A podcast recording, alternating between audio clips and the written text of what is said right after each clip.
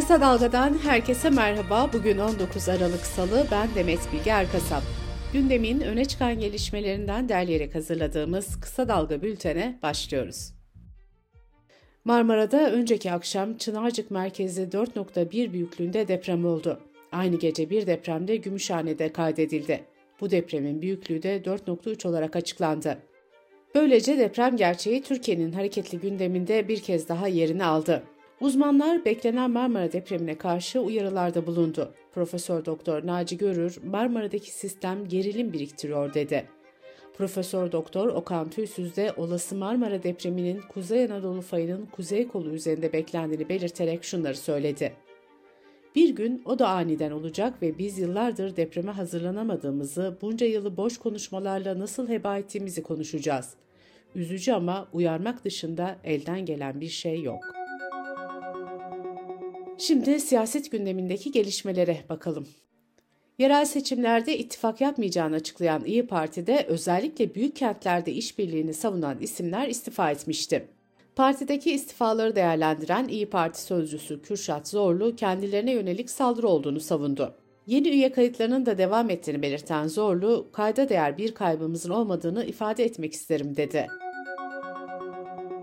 İstanbul Büyükşehir Belediye Başkanı Ekrem İmamoğlu da istifalarla sarsılan İyi Parti ile ilgili sorulara cevap verdi.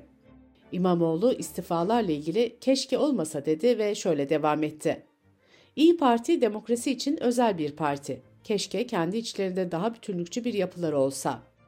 İmamoğlu ayrıca kendisine eş başkan diyen ve yerel seçimlerde desteklemeyeceklerini söyleyen İyi Partili Mete Koca'ya da yanıt verdi.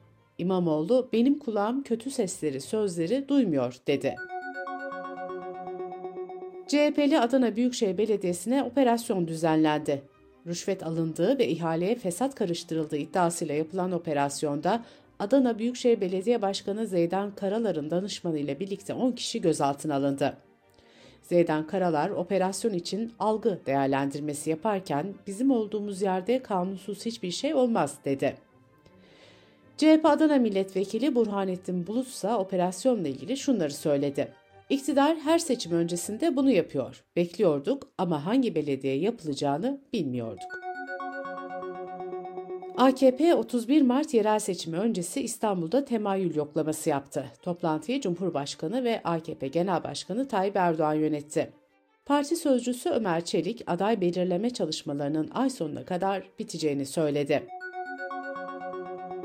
Cumhurbaşkanlığı seçiminde Cumhur İttifakı'na destek veren Yeniden Refah Partisi tutumunu netleştiriyor.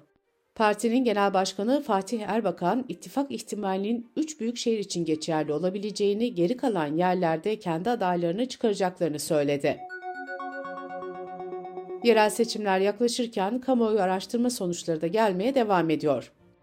Asal araştırmanın çalışmasına göre İstanbul'da Ekrem İmamoğlu'na oy veririm diyenlerin oranı %41,5 çıkıyor. İktidara yakınlığıyla bilinen şirketin araştırmasında AKP'nin olası adayları da soruldu. Seçmenin %40'ı Sağlık Bakanı Fahrettin Koca'ya, %29'u eski Bakan Murat Kurum'a, %20'si de Esenler Belediye Başkanı Tevfik Göksu'ya oy verebileceğini söyledi. Milli Eğitim Bakanı Yusuf Tekin'in bakanlık bütçesi görüşülürken yaptığı konuşma tartışmaya neden oldu. Bakan Tekin, tarikat ve cemaatlerle 10 protokol yaptıklarını ve buna devam edeceklerini söyledi.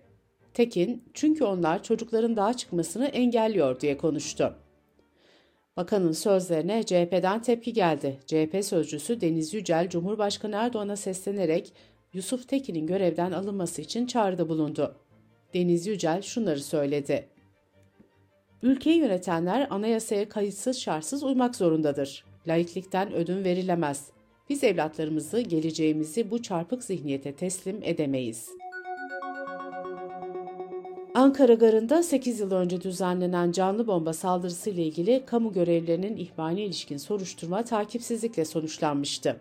10 Ekim katliamında öldürülenlerin aileleri de Anayasa Mahkemesi'ne başvurmuştu.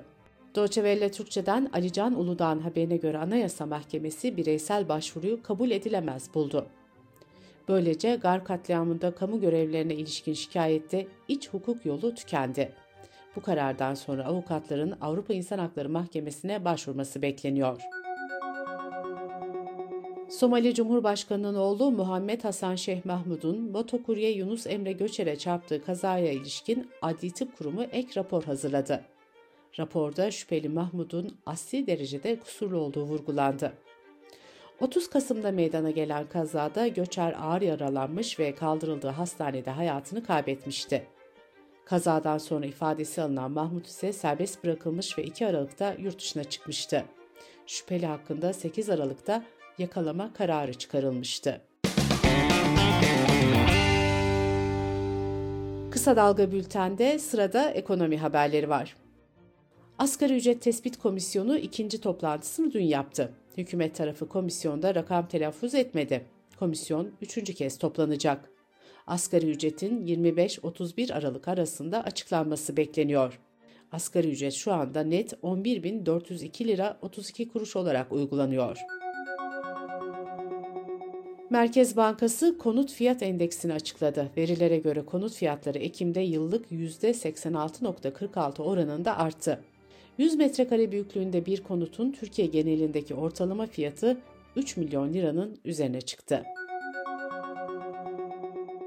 Yeni yılda özel tüketim vergisi tutarının 42.96 olacağı tahmin ediliyor. %20'ye yükselen KDV de dikkate alındığında en ucuz sigaranın 51 lira 5 kuruş olacağı tahmin ediliyor. Reklam Kurulu Aralık ayı toplantısında 139 dosya için 21 milyon liradan fazla idari para cezası verdi.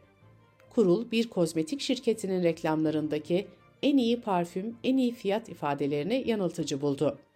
Kurulun yıl içinde verdiği ceza miktarı ise 114 milyon lirayı aştı.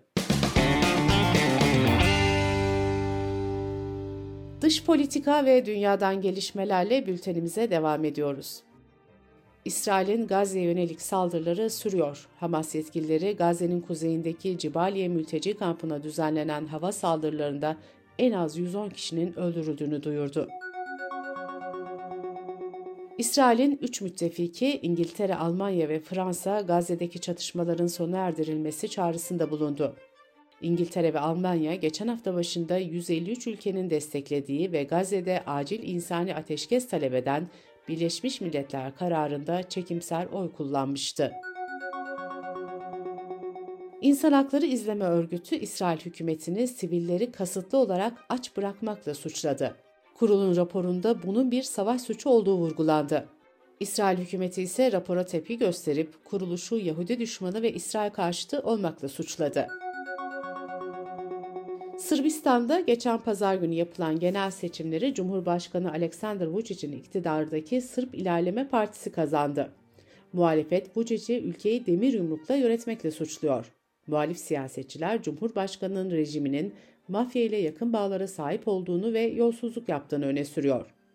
Vučić ise kendisini eleştirenlerin iktidara gelmek isteyen hainler ve hırsızlar olduğunu söylüyor. Şili darbe döneminden kalma anayasanın değiştirilmesi için ikinci kez sandık başına gitti. Şili halkı bir kez daha tercihini hayırdan yana kullandı.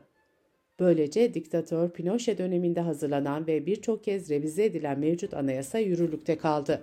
Şili'de 2022 yılında da referandum düzenlenmiş ve hayır oyu çıkmıştı. Avrupa Birliği eski adı Twitter olan X platformu hakkında resmi soruşturma başlattı. Platformun illegal içerikler, şeffaflık ve dezenformasyonla mücadele yükümlülüklerini ihlal ettiği öne sürülüyor. Uluslararası Futbol Federasyonları Birliği FIFA, Kulüpler Dünya Kupası'nın yeni formatını açıkladı. 2025 yılından itibaren turnuvaya 32 takım katılacak. Şu an her yıl sezon ortasında yapılan turnuvaya 6 konfederasyonu temsilen 7 takım katılıyor. Ayrıca 2025 Kulüpler Dünya Kupası 15 Haziran 13 Temmuz tarihleri arasında Amerika Birleşik Devletleri'nde yapılacak.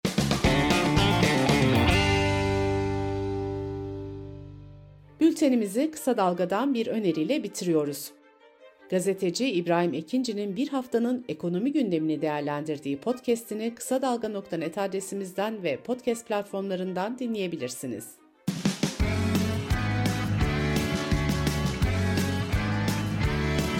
Kulağınız bizde olsun. Kısa Dalga Podcast.